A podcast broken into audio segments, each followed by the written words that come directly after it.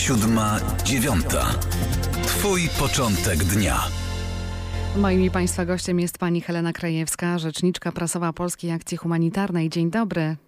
Dzień dobry. Dziś obchodzimy Światowy Dzień Pomocy Humanitarnej. W tym roku mogliśmy na własne oczy zobaczyć, jak wygląda kryzys humanitarny i uchodźczy. Tak, w tym roku jest to y, szczególny rok. Y, to jest szczególne święto, bo tak naprawdę 80% y, Polaków i Polek zaangażowało się w jakimś stopniu w pomoc humanitarną, czy to jeżeli chodzi o Ukrainę, czy dla uchodźców z Ukrainy w Polsce. Na początku, mm, czyli w lutym, w marcu było to pospolite ruszenie, tak możemy powiedzieć. Teraz ta pomoc jest już instytucjonalna? E, można powiedzieć, że od początku była i instytucjonalna, profesjonalna i oddolna, taka troszeczkę amatorska, ale oczywiście wypływająca z dobrego serca.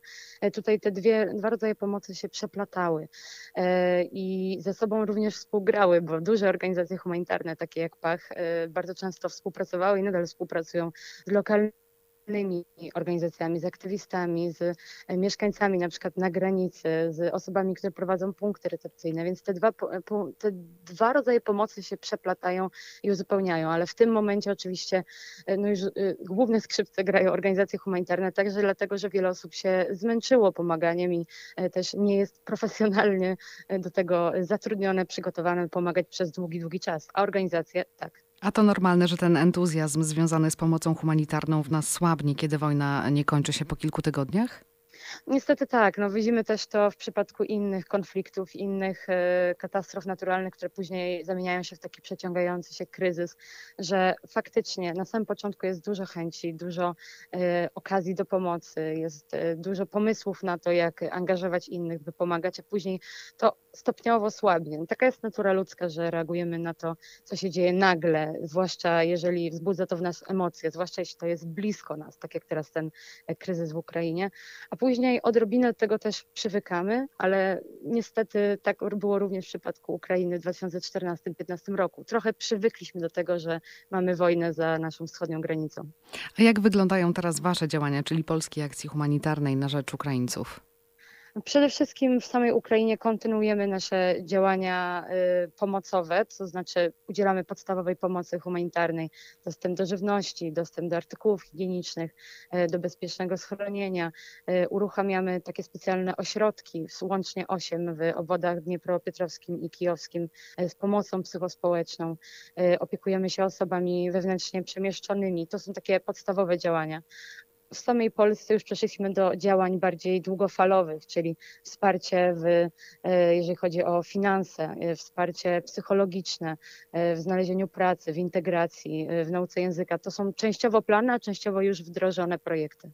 Dla dzieci wojenne doświadczenia są szczególnie traumatyczne. Pomagacie w jakiś sposób małym Ukraińcom zaklimatyzować się w Polsce?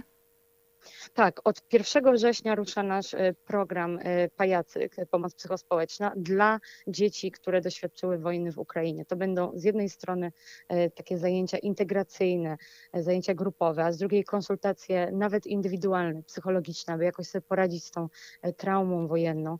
Te zajęcia mają też na celu włączanie szersze dzieci w społeczeństwo polskie, tak aby nie czuły się odrzucone, aby nie czuły się obce. No i tutaj wybraliśmy 39 organizacji, organizacji z Polski, które będą pomagać w tym względzie. Pewnie od września dojdą kolejne wyzwania związane ze szkołą. O tak, to na pewno będzie duże wyzwanie. My też prowadzimy program Pajacyk e, Dożywianie w polskich szkołach, gdzie jest włączana e, duża część e, dzieci z Ukrainy. Myślę, że zdecydowanie od września możemy spodziewać nowych, nie nazwę tego problemami, ale nowych wyzwań, bo nie wiadomo ile dzieci zostanie w Polsce, ile jeszcze do niej przyjedzie, jaki będzie, jaki będzie poziom znajomości języka po tych kilku miesiącach. Musimy się na to przygotować. A ta sytuacja na wschodzie mm, i to pospolite ruszenie serc sprawiła, że większa liczba Polaków chce zostać wolontariuszami na stałe? Myślę, że jest taka szansa. Wiele osób, co prawda teraz jest zmęczonych i będzie na pewno musiało przemyśleć to, czy chce się dalej angażować w działania pomocowe, ale zdecydowanie wiele osób zobaczyło, że może coś zrobić e, samemu. Z drugiej strony e, też wiele osób się sprofesjonalizowało, czyli e, już nie pomaga tylko tak w prosty sposób, na przykład w obsłudze punktu recepcyjnego, zapakowanie paczki i tak dalej, ale na przykład udziela porad psychologicznych, jeżeli jest psychologiem, udziela porad rad prawnych, tłumaczy, czyli przeszło już na taki inny rodzaj profesjonalnej pomocy. No a my cały czas rekrutujemy do nas, do Polskiej Akcji Humanitarnej, jeżeli ktoś chciałby zostać na stałe, etatowym pracownikiem humanitarnym, a nie wolontariuszem. Działacie też w Afryce. Tutaj zmienimy kierunek geograficzny naszej rozmowy. Na czym tam koncentruje się ta pomoc? E, przede wszystkim e, zapewniamy dostęp do wody, dostęp do żywności. E, również skupiamy się na wsparciu instytucji takich jak szkoły, jak szpitale. Również promujemy higienę. W takich krajach jak Kenia prowadzimy szkolenia z efektywnego, przystosowanego do zmian klimatu rolnictwa.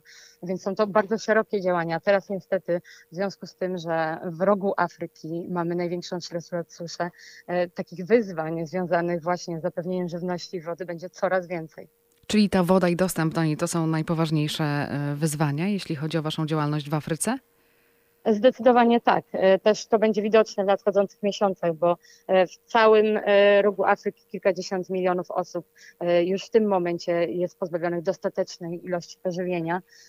Wiele dzieci jest niedożywionych. W Somalii to jest półtora miliona, więc to są zdecydowanie najpoważniejsze wyzwania i wiele z nich zostało też zaostrzonych przez to, co się dzieje w Ukrainie. No bo nie ukrywajmy, że Ukraina i Rosja to są spichlerze świata.